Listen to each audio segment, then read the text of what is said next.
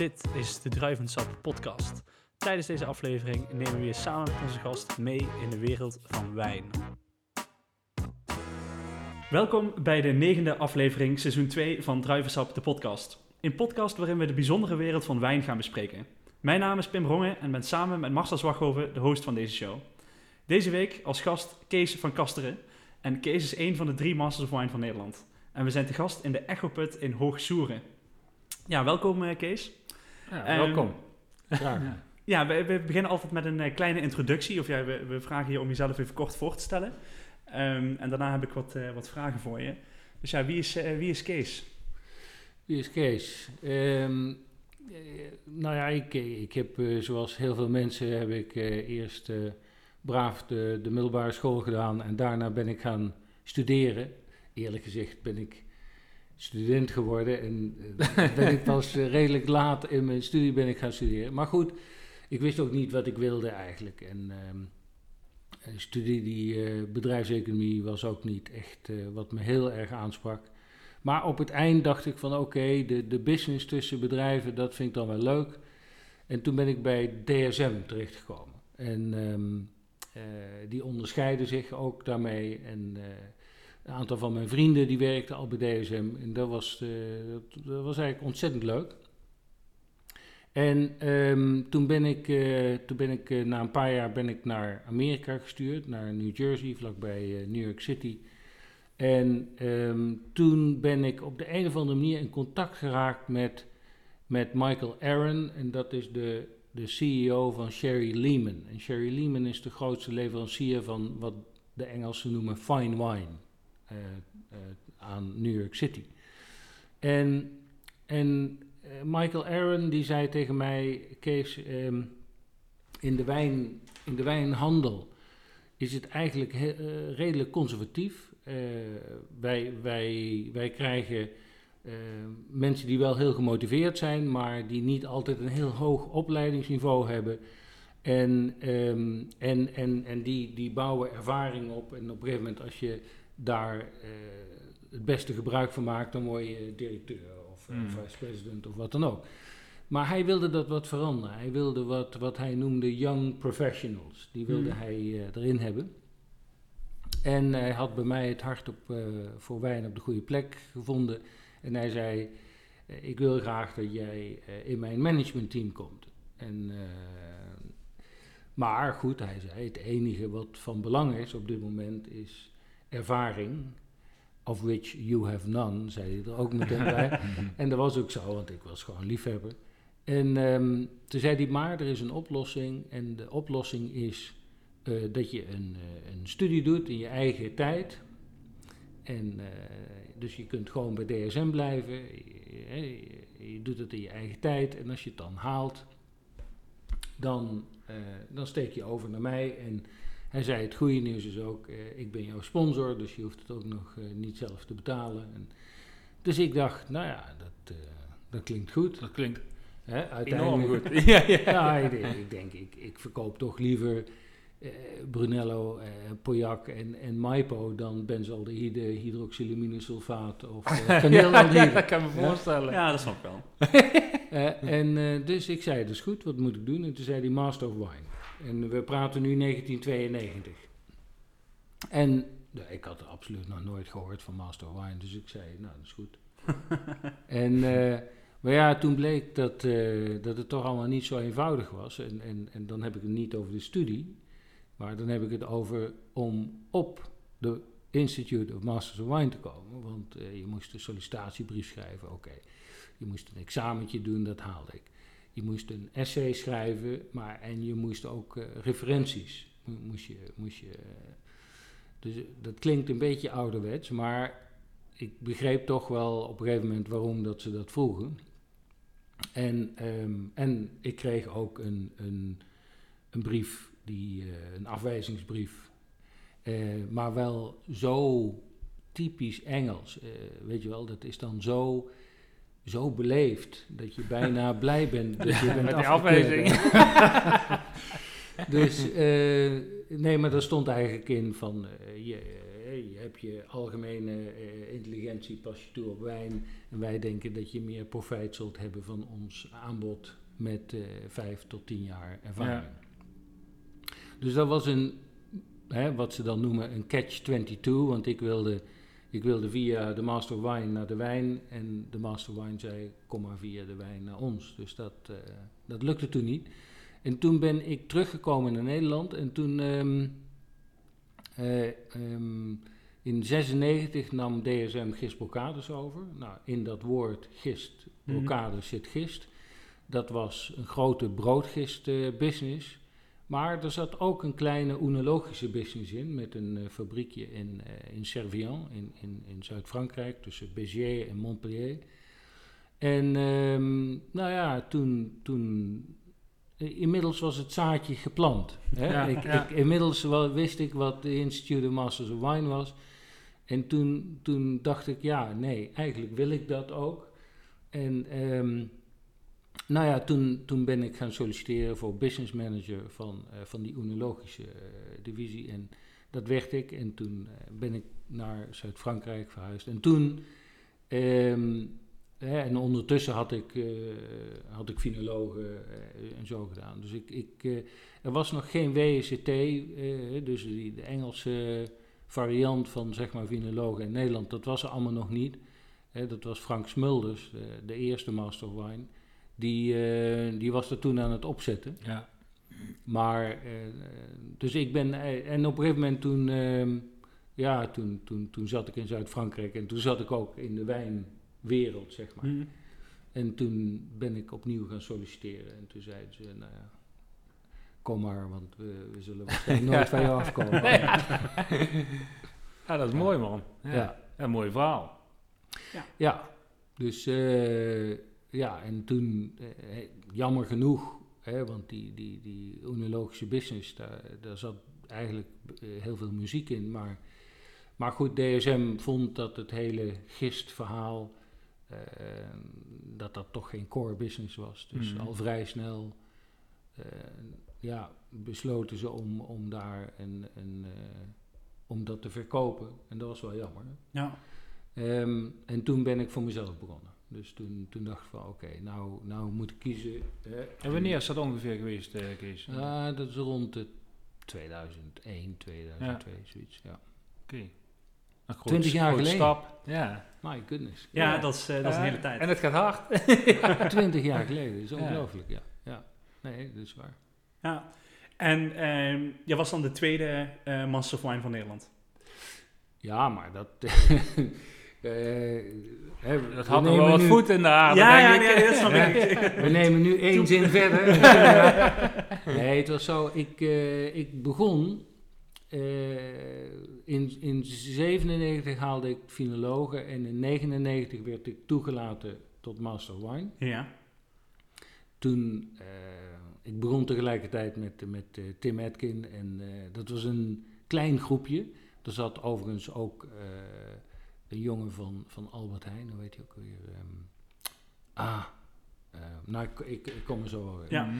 Maar eh, er zat eh, iemand van Albert Heijn en ehm, er zat ook een Oostenrijker in, maar er waren niet veel buitenlanders. Het, eh, het, wa- het was ook een klein Ja. clubje. Hè? Het waren iets van, eh, eh, ik denk iets van, van 20 man of zo. Het is ook niet zomaar een studie, hè. Het is echt, eh, je moet daar Ja, heel maar- veel voor aan de kant. Ja, maar tegenwoordig eh, zitten er eh, 100 in, in, Ja? in die klas. Dus eh, nee, het is, wel, het is wel echt veranderd. Maar goed, toen was het een klein clubje en ik was dus een van de weinige, eh, weinige eh, eh, buitenlanders. Mhm. En ik denk dat ik absoluut de enige was die geen diplomacourse had gehad. Dus eh, de hoogste WCT-opleiding. Dus eh, voor mij was het echt een... ja, het was een... een eh, het was spectaculair. En ik wist ook na dag één dat ik lichtjaren achterliep. Ja. En ik weet nog dat eh, Tim Atkin, die kwam na die eerste dag. Hè, we, we begonnen dus in dat klasje te proeven onder leiding van Jancis Robinson. En ehm, ja, dat, ik, voor mij was het allemaal, dat waren allemaal grootheden die daar Ja, rondliepen. Eh, maar voor hun was dat allemaal normaal. En, eh, ehm, en aan het eind, en dan moest je dus die wijnen blind proeven. En je moest dan ook je proefnotitie en, en, en je moest uitleggen wat het was. Ja.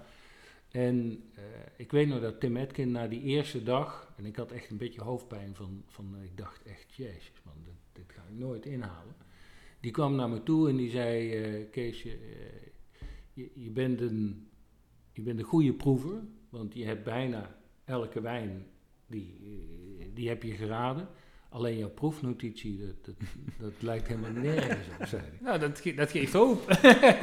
Ja, en toen gaf hij me een, een soort paper. En, eh, en dat heette, de typische Tim Atkin eh, titel, The- Art of Writing Tasting Notes.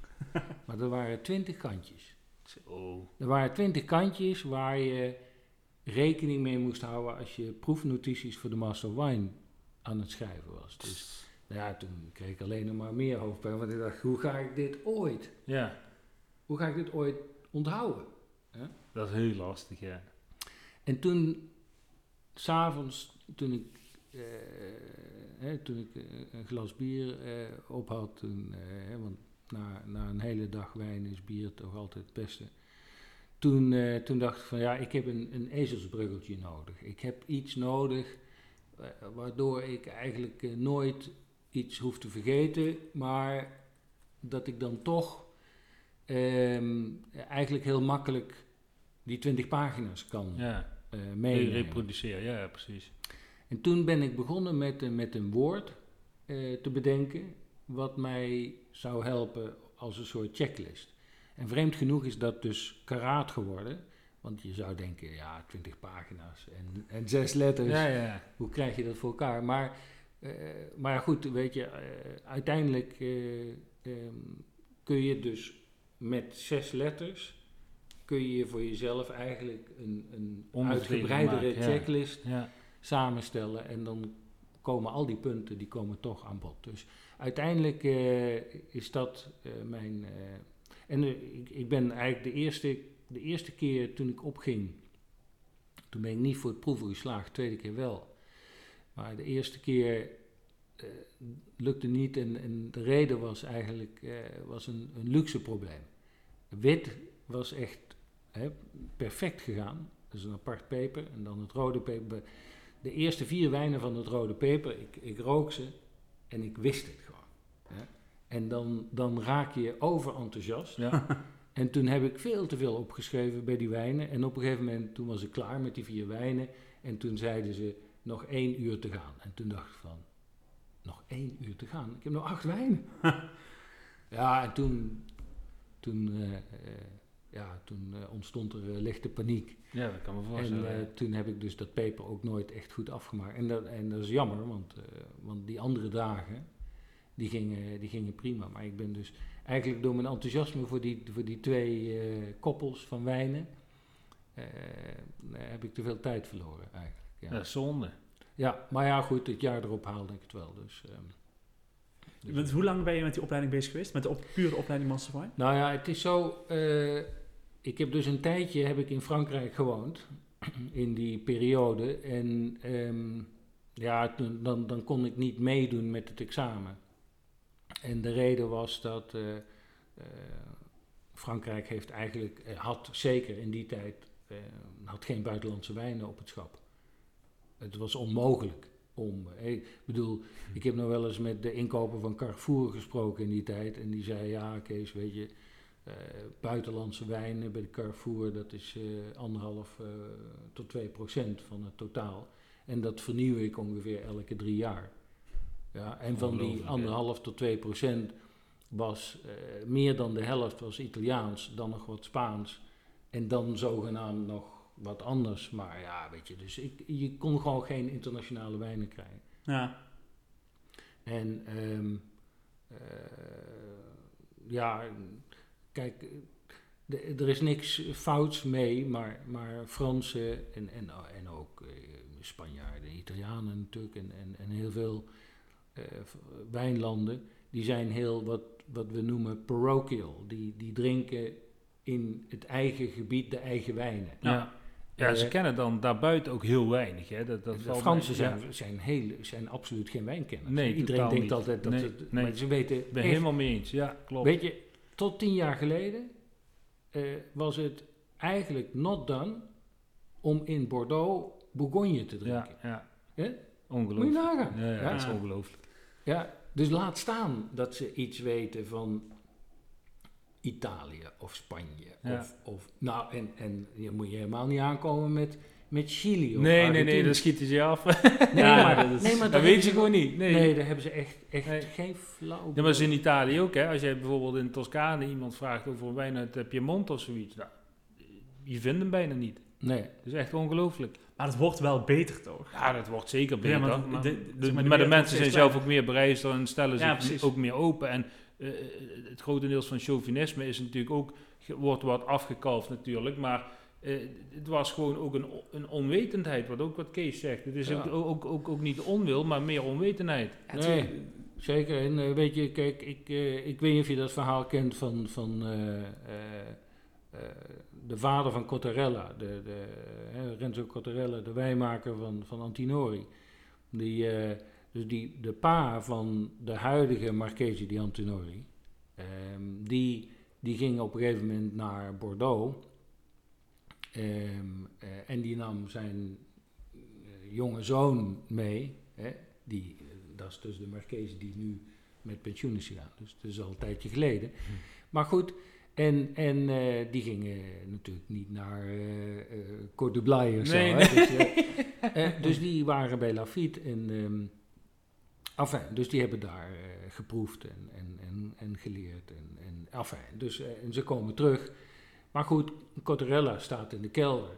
Hè, en, wijnmakers, die, die, die, hè, de- zeker in dat soort landen, die, die, dat zijn gewoon Grootheden. ja, maar ook wel keldermensen. Hè? Die, komen, die reizen niet zoveel. Dus had, had eh, Antinori had een fles Lafitte meegenomen. En om aan te geven hoe beperkt dat de, de wijnwereld is, zelfs voor de wijnmaker van een bedrijf als Antinori, hè, wat toch eh, aan de top van, van de wereld Ja, staat. gigantisch. Ja. Eh, dus zij schonken hem een glas Lafitte in en, en hij rook en hij proefde. Maar dan moeten we beseffen dus dat hij zijn hele leven niet buiten de grenzen van Toscane is Ja. geweest. En dat hij waarschijnlijk in zijn leven eigenlijk alleen maar Sangiovese met een paar andere druivenrassen Ja, heeft ja. geproefd. Dus die man die proefde en, en, en spuwde het uit en die zei, ah, that's not wine. Zo van, dat zat niet Ongelooflijk. binnen In- zijn in het gamma, horizon. Ja, ja. Ja? Kijk, en, en, en eh, ik heb daar veel mee te maken. Want ehm, tot corona zat ik mm, twee, drie, vier keer per week in een vliegtuig. En dan eh, hielp ik met name in Zuid-Amerika wijnmakers met blenden. Oké. Eh, en waarom? Eh, Niet omdat ze geen wijn kunnen maken, kunnen perfect wijn maken.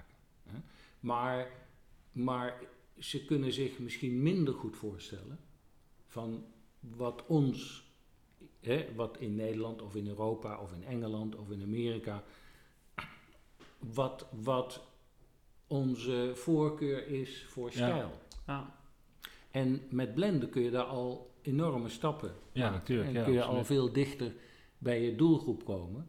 En eh, dat gaat dan niet natuurlijk als we het over de topwijn hebben, maar het gaat wel, dat is echt belangrijk als je het hebt over toegankelijke wijn die in de supermarkt ligt. Ja, ja, dan is het wel heel belangrijk. Ja. Ja. Dus daar, daar help ik dan dat soort wijnmakers mee.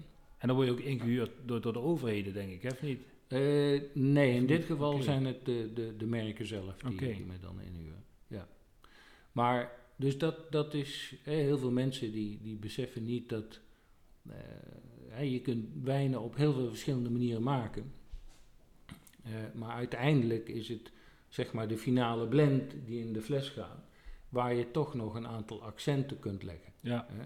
Waar, je, waar je een beetje met de zuren en de restzoet en met tannine en alcohol kun je allemaal een beetje mee spelen, zodoende dat je dichter bij je, bij je doelgroep zit. Eh, Kees, je, je hebt nou eh, net ook, ook over dat woord gehad, hè, wat jou heeft geholpen met je Master of Wine. En het omschrijven van de wijn en, en noem maar op. Ehm, daarop heb jij een, een boek geschreven. Het boek hebben we hier in het midden liggen, Proe- Proeven als een, eh, een pro.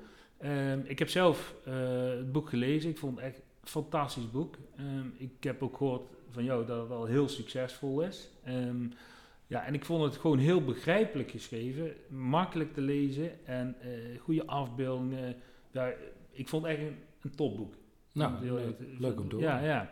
Maar zullen, we hebben nu drie eh, wijnen meegebracht, Pim en ik. En ehm, we hebben eigenlijk ja, eh, gewoon dezelfde druivensoort ehm, eh, meegenomen. Eentje uit eh Rijn Hesse, de andere is uit eh, Friuli, de andere komt uit de, de Elzas. Eh Pinot Gris, dus Pinot Grigio, Grauburgunder en eh Pinot Gris.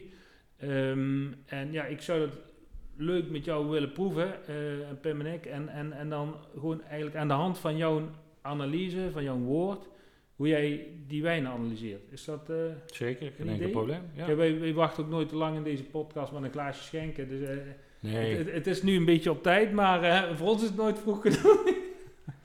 Ja, ik denk niet dat we ooit zo vroeg zijn begonnen Nee. als, eh, als vandaag inderdaad. Nee.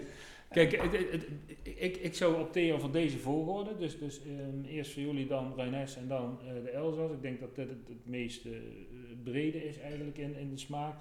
Dit zit een beetje tussenin. En ja, nee, maar laten we... De, gewoon, gewoon doen denk ik. die hè? Pinot Grigio is ook een beetje de, de standaard van de wereld eh, hè, op Ja, dit moment. ja. Als het En is dit wel een- hè? Totaal andere, eh dit is Ja. van Castello di Spessa. En eh, ik Dit- ben ook... Dit is wat frisser waarschijnlijk, of ja, niet? Ja, ja, en, en, en iets, iets intenser. eh, dus ik ben benieuwd wat je, ook wat jij ervan vindt. Dus, Ja. Maar voor- als, ik wil namelijk even één vraag stellen, voor als eh Marcel ondertussen de wijn inschenkt.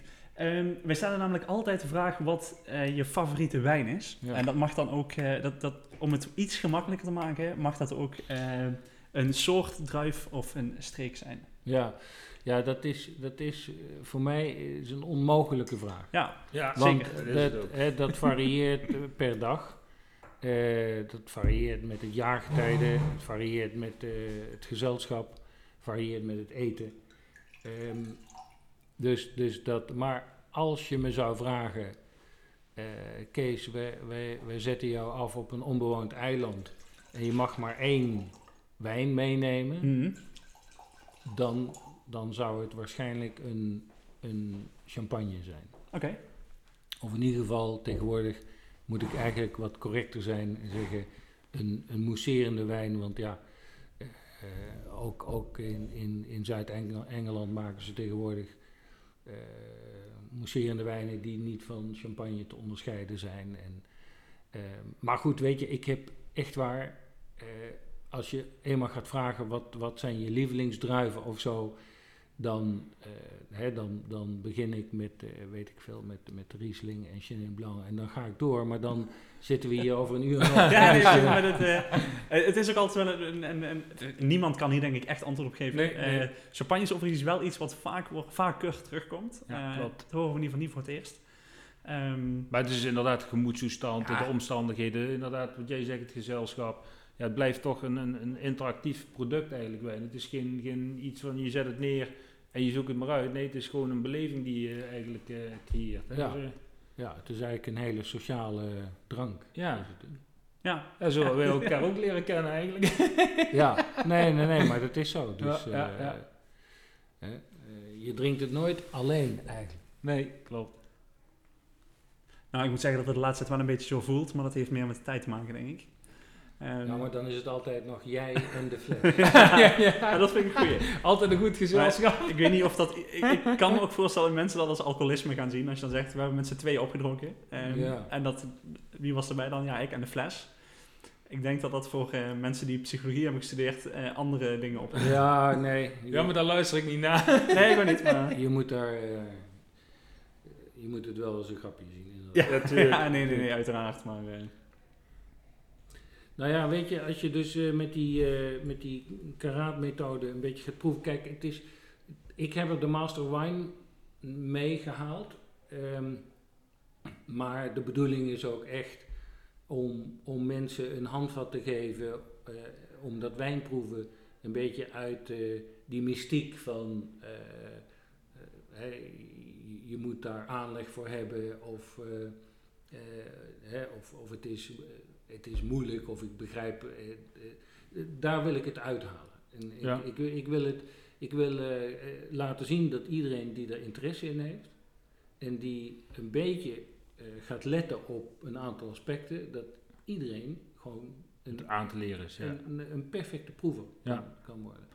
Maar je moet er natuurlijk wel interesse in hebben. Maar er wordt ook veel te veel te moeilijk gedaan over wijn. Hè? Dus, dus vind ik. Ehm tenminste, er kom ik vaak mensen tegen en die vinden het al niet, positioneren het al gelijk hier, omdat ze er weinig van weten. Dan zeg ik, nou ga eerst eens eventjes samen een glas wijn proeven en kijk of je het lekker vindt, ja dan nee. En dan waarom vind je het fijn en waarom vind je het niet fijn om te drinken. En dat is eigenlijk het allerbelangrijkste. En eigenlijk ook jouw methode is eigenlijk eh, ehm, het gewoon een, een, een te geven om het beter te verwoorden en beter in, in, in hokjes eh, te zetten. wa- Waarom de wijn lekkerder is of niet lekkerder is, toch? Ja, het is in ieder geval een hulp voor mensen om te begrijpen waar ze op moeten letten Ja, en waar dan die kleur en die geur en die smaak, waar die vandaan komt. En als je dat begrijpt, hè, daarom heb ik ook, eh, ik, ik heb een, een stuk kennis in dat boek zitten, maar die is heel beperkt. Mhm. Dat is alleen maar wat je nodig hebt om te begrijpen waar die kleur, geur en smaak vandaan komt. Ja, het is meer een handboek dan een, dan een eh, boek waarin heel veel eh, specifieke informatie staat. Ja, het is meer een, eh, het is voor de helft een leesboek. Hè, dat is de eerste helft Mhm. grofweg.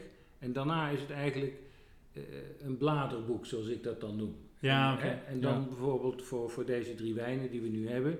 Ja, die kun je opzoeken in dat boek eigenlijk. Ja. En eh, er staat dan een fles op beeld, maar dat is al alleen maar een voorbeeld. Ja. Hè, maar, de, maar daar staan dan wel... eh, ja, je kunt, je kunt dan wat je aan het proeven bent, kun je daar heel goed mee vergelijken.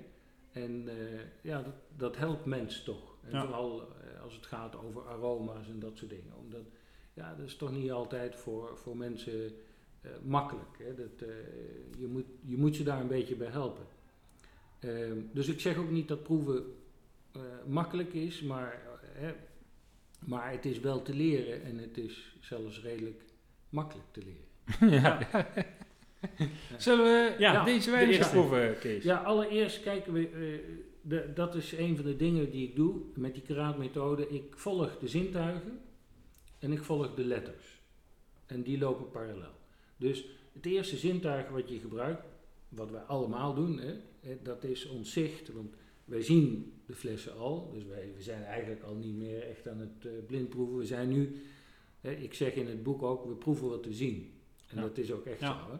Maar goed, het, het eerste wat we, wat we zien is dat deze wijn een licht roze zweem heeft. Hè? En dan denken heel veel mensen denken, ja, maar eh, Pinot Grigio is toch een witte druif. Maar het typische met Pinot Grigio, of Pinot Gris als druif, is dat als hij rijpt, dat hij een, een roze, lichtrode kleur krijgt, het druifje. En ook al, hè, als je die oogst en je perst ze meteen, dan komen er toch wat van die, van die kleurstoffen, van die pigmenten, die komen in de wijn. En dat zie je hier dus. Hè, dus dan de, heel, heel vaak krijg je bij echt rijpe Pinot Gris of Pinot Grigio, krijg je al een ietsje gelere of zelfs een beetje een roze zweem Ja. erin. Dus dat is, als ik dit blind proef, nou niet echt blind, maar hè, dan, dan, zou ik, dan zou dat al meteen voor mij eh, iets zijn waar ik dan, hè, dan zou ik gaan denken aan eh Gewürztraminer of Pinot, Pinot Gris in dit geval. Ehm, maar ja, als we dan gaan ruiken, dan kom ik er vrij snel achter dat het geen is. is, nee. Dus de, de, de, dat is de kleur. Ehm, en ehm, ja, wat ik, met, wat, wat ik met de kleur, en dat is eigenlijk een, een inzicht wat ik eh, na de eerste druk heb gekregen. Dus ik, ik had eigenlijk in de eerste druk had ik, had ik de, hè, je, je hebt namelijk de kleurintensiteit, dus hoe Ja. diep is de kleur, en de tint. Hè? En die, die had ik eigenlijk apart gehouden. Ehm, dat doen ze ook bij de WST. Dus dan heb je bijvoorbeeld een, een eh, medium eh, eh, intensiteit en bijvoorbeeld een groen-gele kleur. Maar ja, op een gegeven moment las ik dat boekje van, van Albert Holzappel. En, en dat was ik helemaal vergeten. Maar dat boekje, dat, dat was e- echt een fantastisch boek. In 1986 uitgekomen. Het was een hele goedkope uitgave van een Spectrum, weet je wel. Als je dat boekje opendeed, dan was het al bijna een losbladig systeem geworden. het was echt hopeloos. Maar het, het was echt een heel... Het was ook eigenlijk achteraf het enige echte wijnboek wat een min of meer methodisch wijnproeven leert. Ja. En, eh, en hij schreef daarin, bij wit moet je gewoon kijken naar de kleur en eh, de tint. En dat is ook meteen de intensiteit. Dus als je, als je, als je een groen-gelige eh, hint hebt, dan is het een lichte, zeer lichte ja. Als je citroengeel hebt, dan is het ietsje donkerder dan. Eh, als je goudgeel hebt en zo gaat, gaat het. Mm. En, en toen dacht ik, ja, daar heeft hij gelijk in. Dus dat heb ik daarna aangepast. Oké. Eh, maar goed, dus, eh, nou ja, en, en dan is het belangrijk, het volgende zintuig, daar gaat het eigenlijk om, dat is je neus. En ehm, nou ja, we moeten dus licht walsen ehm, om, om het oppervlak wat te vergroten van die wijn en om iets meer moleculen, geurmoleculen los te krijgen. En dat is vooral bij een wat meer neutraal druivenras als, eh, als ehm, eh, Pinot Gris of Pinot Grigio is dat wel nodig. Want over het algemeen, eh, hoe neutraler, hoe meer hulp dat je nodig Ja, ja. hebt om die, om die geur los te krijgen. Maar deze wijn heeft voor een Pinot Grigio best wel veel geur. ja, ik vond hem ook eh, best wel hoog intens, ja.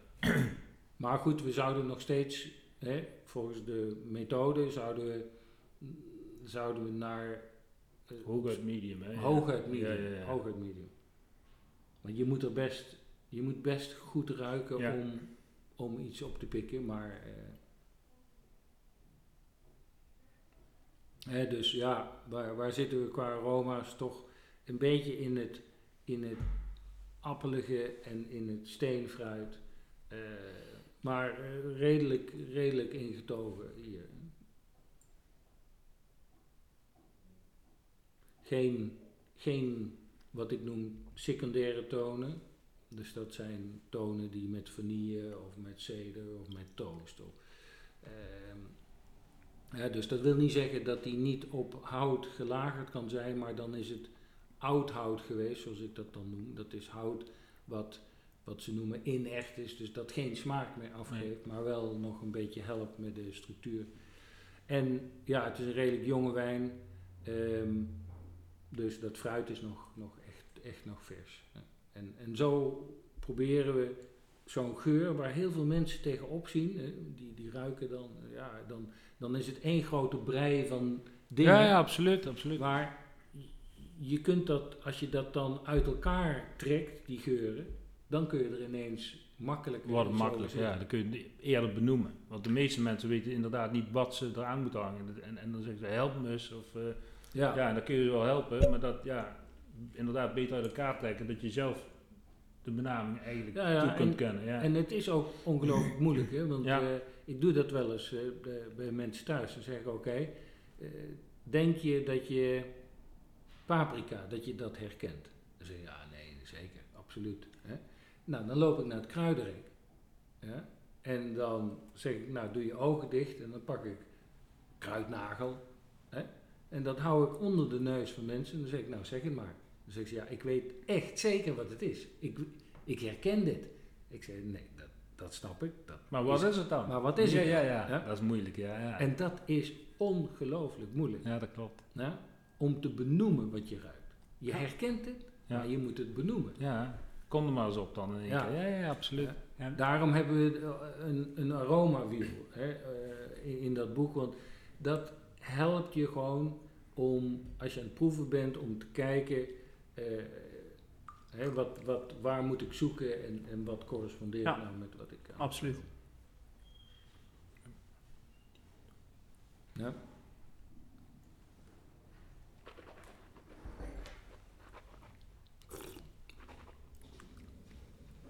Kijk, en dan neem een eerste slok. En dan krijg je ook weer wat geuren binnen. Maar nu via de mondholte. En soms geeft dat toch weer wat andere. Kijk, deze wijn geeft nu in, in de mond geeft toch weer wat iets andere impressie. Ja. Ehm, als we naar de R kijken van restzoet, dan is hij in principe droog. Misschien een klein zoetje, maar, maar, maar het is in ieder geval een droge wijn zoals die bedoeld is. Eh, redelijk hoge zuren, hè? echt frisse zuren. Maar wat mij hier ook opvalt, dat is eh, redelijk stevig alcohol. Ja. Hè, De, de, de wijn heeft veel gewicht, is redelijk zwaar. En ik voel het ook een beetje, maar dat is misschien ook omdat we nog redelijk vroeg zijn vandaag. ja, ja. Eh, hè, die, Ja, die eerste wijn, die, Ja, ja, die, die, precies. die voelt- maar je voelt hem een, be- een beetje branden in, in de keel. Ehm, dus, en, en dat is wel typisch voor Pinot Grigio in Collio en ook in, in, in Alto Adige. Mm, mm. Hè? Want je hebt, je hebt een redelijk eh, hoge UV-factor daar, je ligt wat hoger, je hebt veel zon. Eh, dus je krijgt ook, hè, en zeker omdat je hier meestal niet gestraft wordt, hè, je kunt het nog wat langer laten hangen, dan krijg je gewoon meer suikers in de Ja, druif ja. en dan krijg je ook meer alcohol. Ja, dus het is wel een, een hele typische combinatie. Een mooie wijn, moet ik zeggen. Ehm, ja, het is een typische combinatie met die, met die mooie zuren en dan dat, dat stevige, die stevige body van, van die wijn. Ja, je voelt het ook al gelijk de tong, een beetje dat filmende, de, toch het karakter, wat, wat ook, ook een beetje natuurlijk met de, de dikte van de alcohol en alles te maken heeft. Maar ik vind, ik, ik, ja, ik vind hem heel aangenaam. Maar inderdaad, wat je zegt, eh, iets, iets retrofactisch, dat, dat, dat, dat alcohol, dat, dat krijg je daarna eh, iets terug. Maar ja, ik zelf vond het ook echt een hele mooie Pinot Grigio. eh. Prachtig. ja, ja, Hè? En ook een beetje die, die vettigheid in je mond. ja, hè? ja. Hè, dus ze hebben waarschijnlijk met Surly een beetje gewerkt hier. Mhm. Ja, een, he- een hele mooie wijn. Heel, heel subtiel. Ja. En dan gaan we over op twee andere varianten eigenlijk. Ja. Maar dan gaan we, en dit ga ik zo.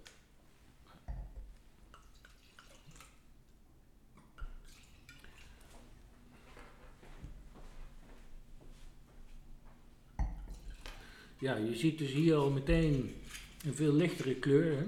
Ehm, nog steeds, ook al met dit eh, beperkte licht, kunstlicht wat we hier hebben, maar nog steeds een, een, wel echt een, een eh, eh, citroengeel, goudgele kleur. En dan, maar als je deze wijn ruikt, dan ruik je meteen wat anders. hè. Ja, ja, absoluut. Hè, dit is echt, dit is, dit is nog veel meer, eh, zeg maar, verse appel en, en peer. Dit is toch wat meer, ehm, minder aromatisch steenfruit. Het, is, ehm, het gaat al een beetje richting citrusachtig Ja, fruit. ja. En ehm, ja, dat is natuurlijk ook wel. Je hebt hier echt een, een. Je zit hier op de grens van waar commerciële wijnbouw mogelijk is. In Rheinhessen is toch een van de meest koele delen van, van, van Duitsland. Eh ondergewaardeerd wijngebied, denk ik, enorm. Maar nu ook wel heel erg in beweging met heel veel nieuwe wijnbedrijven. Jongere wijnboer en Ja. Ja, ja. ja, absoluut. De nieuwe Absoluut. generatie. Ja. Eh, want vroeger was dit eh, het land van Liebfrau Milch. Hè? Ja, ja, ja, allemaal die, die, die Ja, vandaan. Nee, maar goed, dat, dat nog steeds veel mensen bij Duitsland denken aan, Ja, ja, aan zoet en goedkoop, dat, dat kwam eigenlijk door Rheinhessen Ja. en Liebfrau Milch. klopt. En nu is daar een, ja, dat is een revolutie aan de gang. Ja, dit is ook een heel jong stel. Hè. Eh, Clara en Simon Oswald, die, eh, die twee wij- wijnbedrijven hebben. Eentje van vroeger uit in Walheim, de andere in Sieversheim. En dit komt, het witte komt voornamelijk eh, uit Sieversheim vandaan. Ja. Maar het leuke is dat, dat, dat als je deze twee naast elkaar zet, dat je direct, direct ziet waarom dat die tweede een Duitse Pinot Gris is. Hè? Of een Grauburgunder. En dat heeft te maken met eh, ook weer die, die prachtige zuren die erin zitten. En de R denk ik ook, hè? En de R in het woord. En de R. hè? Ja.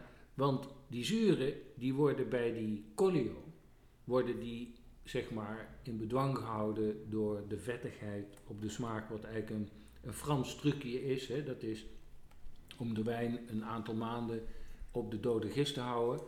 Eh, dan krijg je die, die, die vettigheid. Hè.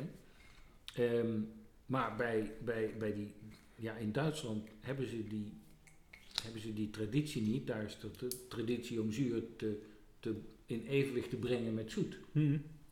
En dat merk je heel duidelijk. De wijn is absoluut niet zoet, hè, maar, maar het is wel een zoet-zuurbalans. Ja. En, en dat leer je, denk ik, ook in dat boek, eh, te letten op dat soort verschillen. Hè. Ehm, eh, zoet-zuurbalans, zeker bij zo'n wijn, dat zou je direct naar Duitsland moeten, moeten trekken. Omdat Duitsland toch uniek is in de wereld wat dat betreft. Ja, absoluut. Het, geeft ook heel, wel heel veel frivoliteit eigenlijk. Hè? Heel veel drinkvreugde heeft Ja, precies. Het is echt... eh, Het is moeilijk om hier vanaf te blijven. ja, ja. Zeker als, als je op, op een terrasje zit en eh, het is lekker weer, dan, dan eh, ja, dan, dan eh, En dat heb je bij die eerste Pinot Grigio uit eh, Friuli juist niet. Het is echt wel iets eh, wat je meer laat nadenken en, en eh, eigenlijk iets, iets, iets van, van eten bij, bij zou willen eigenlijk. Hè? Vind je niet? ja.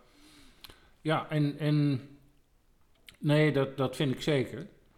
Ehm, die, die, die tweede, die, eh, die is wat, die Oswald, die is wat toegankelijker, denk ik, voor veel mensen. Ja. Hè, is Ja. ietsje sappiger, zeg maar. Absoluut, ja. En ehm, nee, dat, eh, en het 13%, dat, dat is eigenlijk voor Rijnhessen nog redelijk hoog. Dat heeft ook met het jaar te maken, 2019. is een goed jaar overigens, maar ook rijp. Mhm. Dus, ehm, want het is ook niet, eh, hè, als je een Riesling hier zou hebben, dan zou die misschien maar 12% Ja, zijn. ja. En dan gaan we naar de pièce de résistance.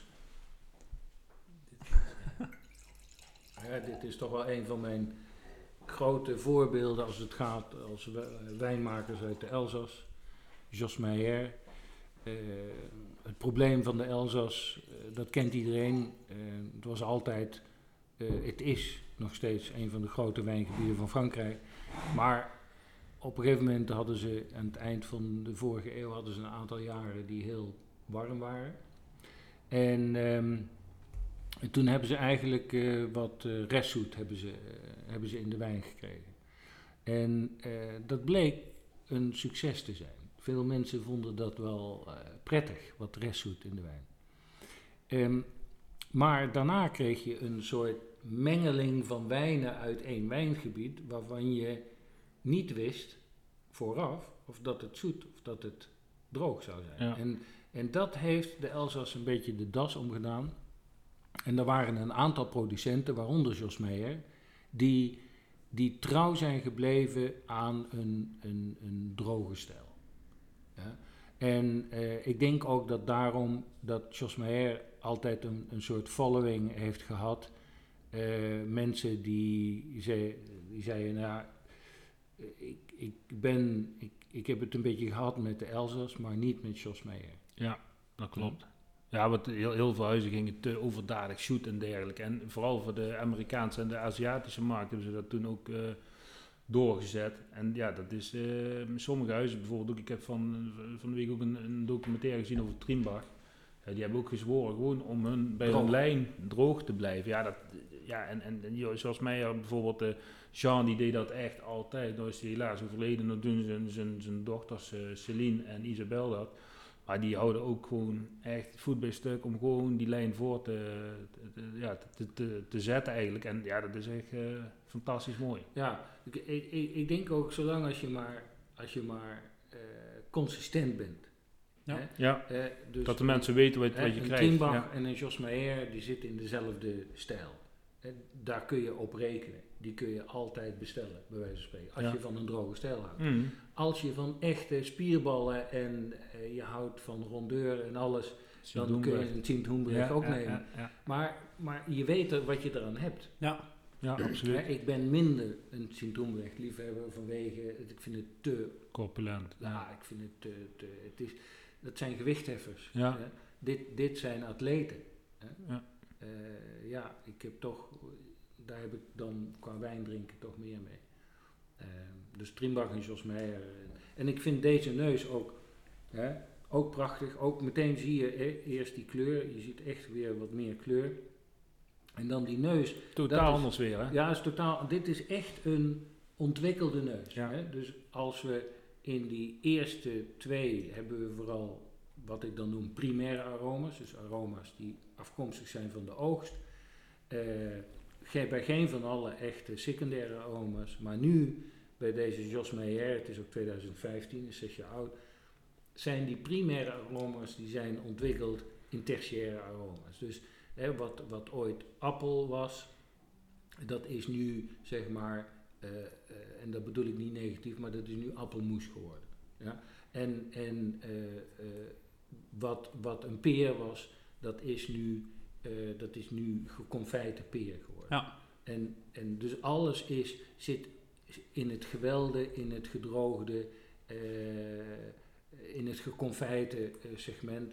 En dat maakt het ook zo mooi. Hè? Ja. Dat, en dat geeft ook aan dat een Pinot Gris, wat voor de meeste mensen misschien niet de wijn is om eh, lang op te leggen, maar hè, als je goede kwaliteit hebt, dan, eh, dan zie je wat er van kan komen. En dan krijg je Ja, dus ja. echt veel meer complexiteit. Maar ik heb toevallig vorige week nog een eh Pinot Gris Grand Cru Brand 99 eh, gedronken. Nou, die was echt subliem.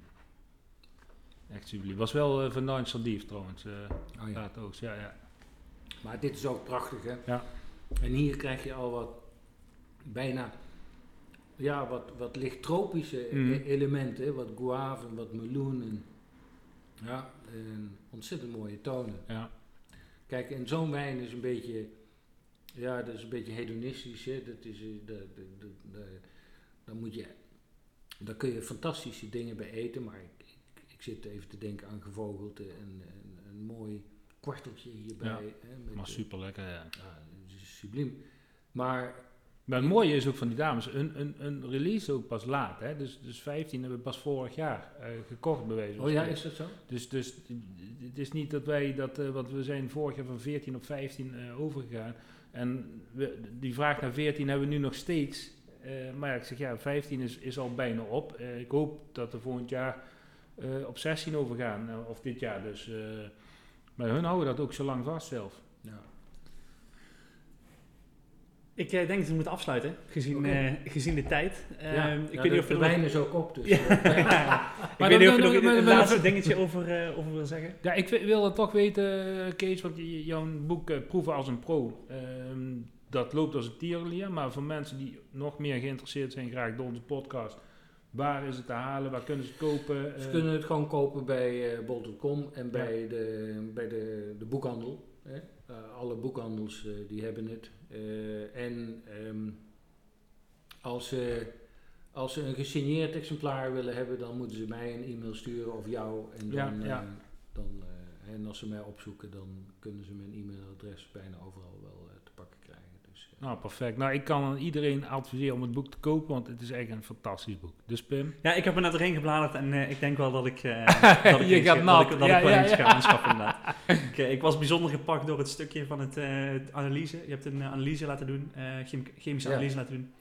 Dat, daar was ik wel door gepakt. Dus ja, ik denk wel inderdaad dat ik een boekje erbij in de kast ga zetten. Dan gaan we daarmee afsluiten en wil ik jullie vanuit Hoogsoeren bedanken voor het luisteren. Heb je tips of vragen, laat ze gerust achter op onze social media kanalen. Je vindt ons op Instagram en Facebook onder Druivensap Podcast. Abonneer je ook vooral op onze podcast, zodat je geen enkele aflevering hoeft te missen. Dan willen Marcel en ik Kees nog bedanken en was dit de negende aflevering van de Druivensap Podcast. Graag tot de volgende. Hartelijk dank, Kees. Dank Kees. Fijn, Graag ja.